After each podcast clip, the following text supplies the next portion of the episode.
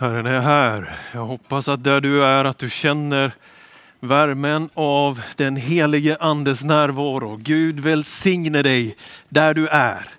Vi hade väl hoppats att få fylla Nyhemsområdet med mängder av människor och nu får vi se fram emot nästa år att få fylla Nyhemsområdet med mängder av människor. Men den här kvällen verkar Gud genom sin heliga ande. Vi har sett det. Ljuva exempel från de här 20 församlingarna vi hörde alldeles nyss. Att trots samling eller om vi får leva i förskingring så verkar Gud, anden är utgjuten. Men kanske det finns fler än mig som tänker att det skulle nog sitta rätt fint snart med lite semester. Kanske till och med få ta fram brassestolen och lägga den i det bakåtlutade läget. Temat för Nyhemsveckan är Stor är vår Gud. Jag vill med denna predikan, någonting som har talat till mig från Bibelns sista bok, försöka lyfta ett framtidsperspektiv som jag tror kan ge både vila och vision. Som kan ge både en relaxad men ändå hängiven kristendom. Vi är i desperat behov av framtidstro, av ett hopp som inte bygger på vår egen förmåga utan som är rotad i inte det terapeutiska gudsbeviset som den svenska författaren Lars Gyllensten säger. Gud finns för att jag behöver honom utan som är rotat i den stora verklighet att han som är urtiden skapade, den gamle av dagar, han som är oföränderlig, den som var, den som är, den som kommer, han som är den som har satt allt i vardande, kommer att fullborda allt och en dag säger Bibeln ska Kristus bli allt i alla. Det är den verklighet som vi människor befinner oss i. Den är så mycket större än det jag känner, det jag ser och det jag behöver. Det behövs att det får sitt fokus och får möta sin tillfredsställelse också det. Men den här predikan är ämnad att försöka ge en, en ton ifrån det som är Bibelns vision om framtiden. Och där finns vila. Där finns vision. I Uppenbarelsebokens 19 kapitel så tänkte jag läsa ifrån vers 5 till 10. Och när vi går in i Uppenbarelseboken så har det varit en mängd berättelser, dramatiska beskrivningar om den tuffa kampen som ligger framför. Men i kapitel 19 så vänder det. Det är som att man kommer ut liksom på nya vyer, man kommer ur kurvan med fart. Det är slut på vredeskålar som töms hit och dit. Babylon verkar inte längre vara huvudstad, nu snackar vi Jerusalem. Nu är det inte hagel och eld blandat med blod och allmänt påfrestande pålagor och plågor de erfarenheter som låg bakom och så är det som att i Uppenbarelseboken 19 så andas man ny luft. Det är en framtidsvision, det handlar om en högtid, det handlar om en fest. Det handlar om ett bröllop mellan lammet och hans brud. Uppenbarelseboken 19 från den femte versen i tro på Guds ord i Jesu namn. Från tronen kom en röst som sa, prisa vår Gud, alla hans tjänare, ni som vördar honom både små och stora. Och jag hörde liksom rösten från en stor skara som bruset av väldiga vatten och dånet av kraftig åska. Och de sa halleluja. Herren vår Gud, den allsmäktige, är nu kung. Låt oss glädjas och jubla och ge honom äran. För lammets bröllop har kommit och hans brud har gjort sig redo. Skinande rent linne har hon fått att klä sig i. Linnet är de heligas rättfärdighet. Och ängeln sa till mig, skriv. Saliga är de som är bjudna till Lammets bröllopsmåltid. Och han tillade, dessa Guds ord är sanna. Jag föll då ner för hans fötter för att tillbe honom. Men han sa till mig, gör inte så. Jag är bara en medtjänare till dig och dina bröder som har Jesu vittnesbörd. Gud ska du tillbe. Jesu vittnesbörd är profetians ande. Amen.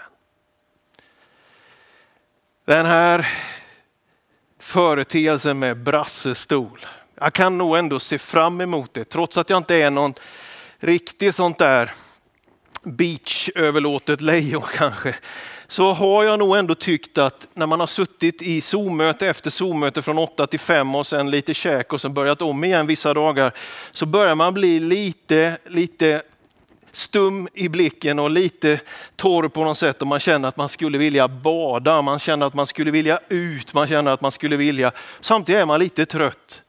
Den här kvällen har vi på något sätt riggat i vår förberedande bön och tanke för att egentligen bara säga tack till pingströrelsens församlingar. Nu ska vi ha sommar och vi ska vila och vi ska uppfyllas av den stora drömmen som får själen att sjunga, som får kroppen att dansa, som får friheten att bli vår definition och som gör att det i Uppenbarelsebokens 19 kapitel finns fyra halleluja som vi kan göra till våra. Att Gud är stor. Jag unnar dig den vilan. Jag säger tack till alla tekniker som har kämpat. Jag säger tack till dem som de första pandemisöndagarna sände med sin iPad och man fick ha huvudet på sned hela mötet för det råkade bli fel vinkel. Säger tack till alla er som har hållit ut och fixat härbergen för hemlösa som har sett till att missionspengarna kommer ut i alla fall. Alla som har bett och gett. Jag tackar er så mycket för det kärleksfulla uttryck som det är. Och ett bevis på att Gud är stor och han verkar genom sin församling. Vi älskar aktiviteten. Det är någonting så vackert och lite älskar jag dig som sätter tummen före mötet har börjat. Jag gillar det lite extra mycket för då har man fattat att våra gudstjänster i vår församling där vi bor, det är inte någonting jag ska bedöma i första hand. Det är inte någonting jag är kund i. Det är inte ett leverantör-kundförhållande. Det är inte ett program som jag konsumerar utan jag är en bärare, jag är en medlem, jag är en gudstjänstfirare. Vi kommer be till Jesus, vi kommer läsa från Bibeln, vi kommer prisa honom, vi kommer samla in pengar för att hjälpa en stackare till. Jag sätter tummen innan mötet har börjat. Jag gillar den attityden. Tack till dig som börjar med lovsång, som börjar med tacksägelse. Men så fattar jag också att många av oss mig själv inkluderat. Vi behöver också lite vila nu. Den här himmelska framtidsvisionen, den verkar ganska maffig. Det är dån av kraftig åska. Det är brus av väldiga vatten när den här lovprisningen ska beskrivas. Det är allt annat än en tyst reflekterande enda tanke om det hörs när man klappar med en tumme så kan man filosofera hela sitt liv över det. Det är någonting med volym här. Det är någonting överväldigande. Det är någonting som är stort och det är medryckande. Och så tänker jag mig att vi skulle kunna föreställa oss nu du och jag att vi sitter i varsin brassestol vid en strandkant och tittar ut över horisonten och solen är där och vågorna slår in och det är ett ganska mäktigt dån. Det är någonting av det där som är bilden i Uppenbarelsebokens 19 kapitel. Det är någonting som förbereds, det är någonting som ligger framför, någonting som är stort och allomfattande, någonting som sveper med liksom. Och Johannes när han skriver ner det här tecknar det här som väldiga vatten, dånet av kraftig åska, när han hör den här rösten ifrån tronen. Jag ber till Gud att du skulle kunna höra den rösten ifrån tronen när vi sitter där. Vi sitter i de här brassestolarna och vi fylls av det stora perspektivet. Inte vår förmåga, Guds storhet, inte våra visioner, hans drömmar för vår framtid. Att vi inte behöver peppa varandra i det läget att skärp dig, sköt dig, utan att vi istället får bara fyllas av Gud har planerat något oerhört stort för oss. Nåväl, brassestolen. Ja, men den började väl importeras till Sverige tror jag någon gång på 80-talet. Jag eh, som växte upp eh, på 70-talet och 80-talet, jag eh, har sett på barnprogram med Magnus och Brasse. Det är inte den Brasse som har fått ge namn till den här stolen. Ni vet han lite allmänt, i varje fall i Fem myror är fler än fyra elefanter, lite allmänt tafatt men kaxig när han får påpeka fel, fel, fel, fel. Det är inte den brassestolen jag önskar att pingströrelsens folk skulle sätta sig i. Det tafatta som tittar på. Vi brinner för de som vill gå på möten, för de som vill engagera sig på härberget. Vi vill inte att det här ska vara en plattform och miljö för tyckande och förkunnande i betydelsen att det stannar där. Reflektion, utbildning, ja. Snobberi, elitism, nej. Vårt mål är inte att parkera vårt folk i soffan en lördagkväll med ett glas vin och tala om hur dåligt det är i församlingen. Vi är en rörelse av Jesusälskande, med barmhärtiga församlingar som gör någonting. Och ändå hoppas jag inte på ett krystat sätt. För att någonting liksom ska bevisas av hur duktiga vi är. Den brassestol jag har nu, och här twistas bilden duktigt. Jag bara erkänner min predikantskada. Jag är ju i alla fall pingstpastor. Men det är ju Brasilien. Det är ju en pingstväckelse som hörs. Över 100 miljoner anhängare. Det är ju någonting som är ganska mäktigt och som rör sig. Och jag hörde om en studie där man har studerat vår rörelse i syd bekämpningen av fattigdomen, stödet till de utsatta. Så säger en akademiker, det intressanta med pingstvänner, det är inte bara att de hjälper de utsatta. De är de som är de utsatta. De inte bara hjälper de fattiga, de är de fattiga. Det är någonting med den här rörelsen som jag älskar, när barn får vara med. När alla åldrar, när kvinnor och män, oavsett etniskt ursprung, inte baserat på moral och kunskap, inte baserat heller på att vi kaxar upp oss och bara ropar nej, nej, nej. Utan vi har blivit satta av Gud, påstår jag, exegetiskt väldigt starkt det här, i Brasiliens brassestol. Som handlar om att det finns en lovprisning över ditt liv. Det skulle behövas fyra halleluja i din sommar. Det skulle behövas någonting som är större, där du får låta dig definieras. För vet du vad? Där tacksamhet närvarar har stressen väldigt svårt att få plats. Det finns ett, det finns ett spel här. Hur ser jag ut? Vad händer? Vad ska det bli? Vad blir framöver? Då sa den och man kan gå all in i det och man, man liksom släpper ingenting och man bär mer och mer och mer bördor. Men vi är aldrig så nära fullkomlighet på den här sidan evigheten som i den stund vi lyfter våra händer och prisar Gud. Faller ner i förundran, sitter där på nådens strand, ser en sol som har gått upp och sveps med av ett mäktigt spel av naturens krafter. Den här vind, detta eldshav, det här vattnet som hela tiden bryter fram. Och så bara säger man sitt halleluja. Vi är inte en rörelse som säger nej, nej, nej. Vi är en rörelse som säger halleluja. Det tillhör oss att prisa Gud. Här uppmanas Uppenbarelsebokens läsare. Låt oss glädjas och jubla och ge honom ära. För lammets bröllop har kommit. Hans brud har gjort sig redo. Hon har fått skinande rent linne. Linne är väl ett bra textil på sommaren. Det luftar bra. Det här var inte ett linne som församlingen, som bruden hade fixat själv. Hon har fått, står det. Hon har fått rent linne att klä sig i. När man tittar in emot den himmelska framtidsvisionen, lammets stora feta himmelska bröllop. När man ser in i den bilden så är det så intressant att det är just det Johannes fångar. Det här är lammets bröllop. Det här är en högtid och en fest med det renaste där vi alla är välkomna och vi är det på grund av vad han har gjort för oss. Det är blodet som renar. Det är lammet som uppoffrar sig. Det är inte en köp och säljtransaktion där vi är ömsesidiga parter i en förhandling som slutar med ett undertecknat avtal. Det här är ett bröllop från själviskhetens motpol. Det här är inte den tidsanda vi lever i där man ska gifta sig med sig själv och med sin uppfattning och the Swedish theory of love som slutar med att jag går bara in i en relation så länge jag har nytta av den själv. Det här är Guds uppoffrande kärlek för en hel mänsklighet. Det är lammet som gifter sig. Det är frälsaren, det är försoningen, det är blodet som renar. Det är den Gud som inte vill att någon enda människa ska gå gå förlorad. Utan som vill att alla människor ska bli frälsta. Det är liksom inte brassestolens motsats, domstolen vi har satts i. Utan vi är placerade i ett nådens rum. Tronens rum ligger framför församlingen. Och det är ett förberett party deluxe. Och han som riggar den festen är Guds offerlamm. En Gud som ger allt för dig. En Gud som är beredd att gå en lång sträcka för dig. Och du kanske känner lite kanske tynande Guds längtan.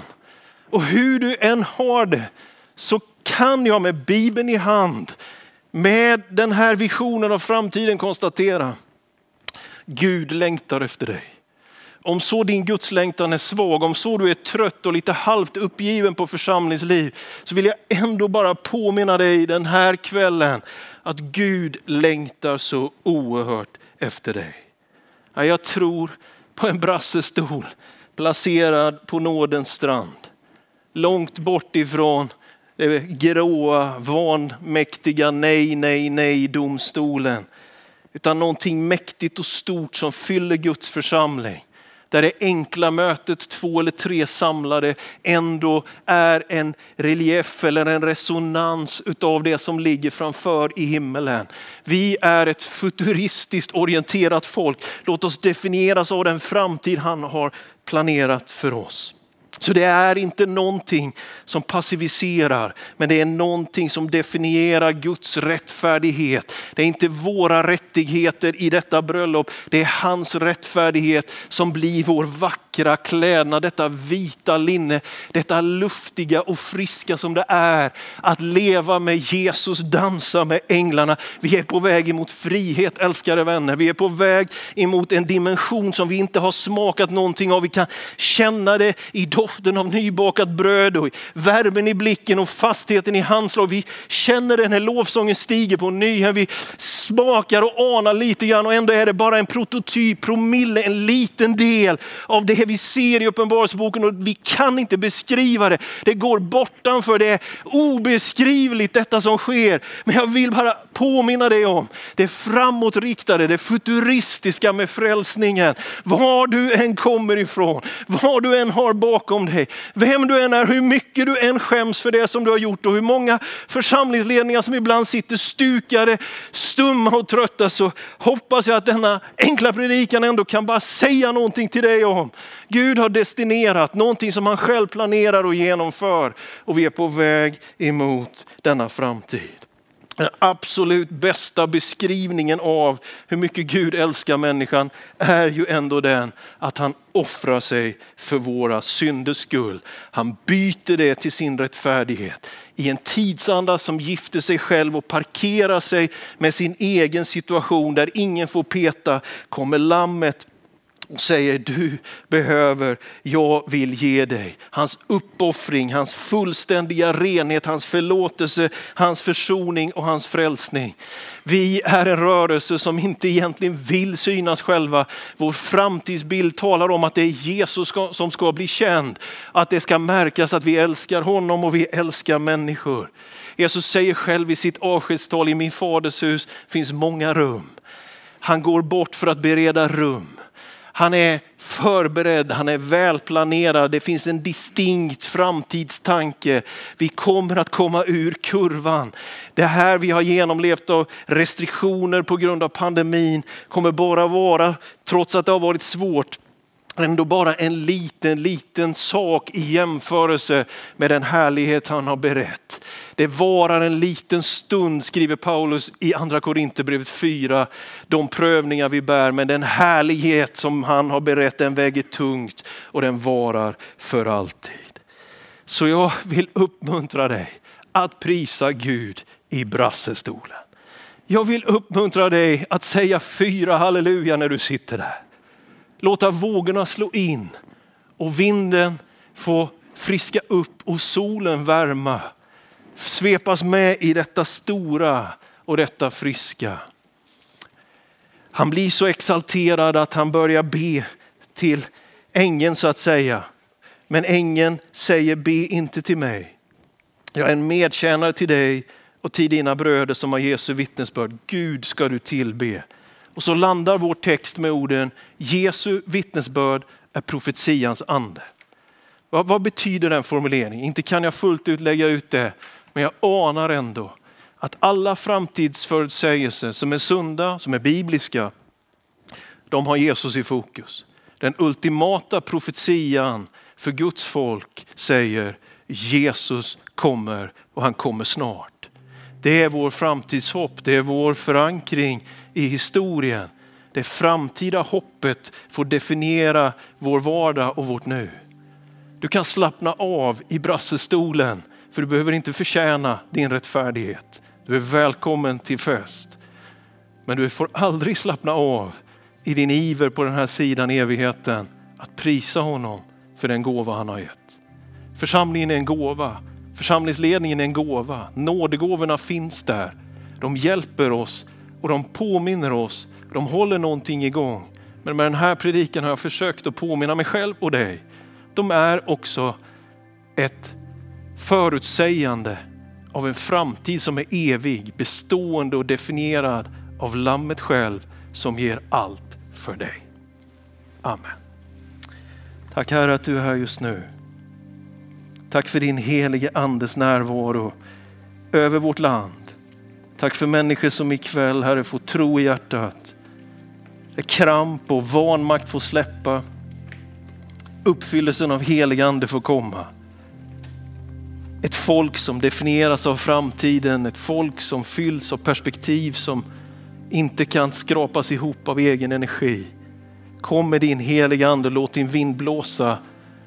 Låt oss få vila den här sommaren, låt oss få njuta det goda du ger. Och hjälp oss komma ihåg att det bara är en föraning av det stora du har förberett. Tack för hopp och glädje, tack för frid, tack för kärlek. Tack för det goda som du ger din församling. Tack för allt som sker i detta flöde och i denna påminnelse om framtiden. Tack, tack Jesus. Tack att du är lammet. Tack att du är vår frälsare. Vi sätter vårt hopp till dig. I Jesu namn. Amen.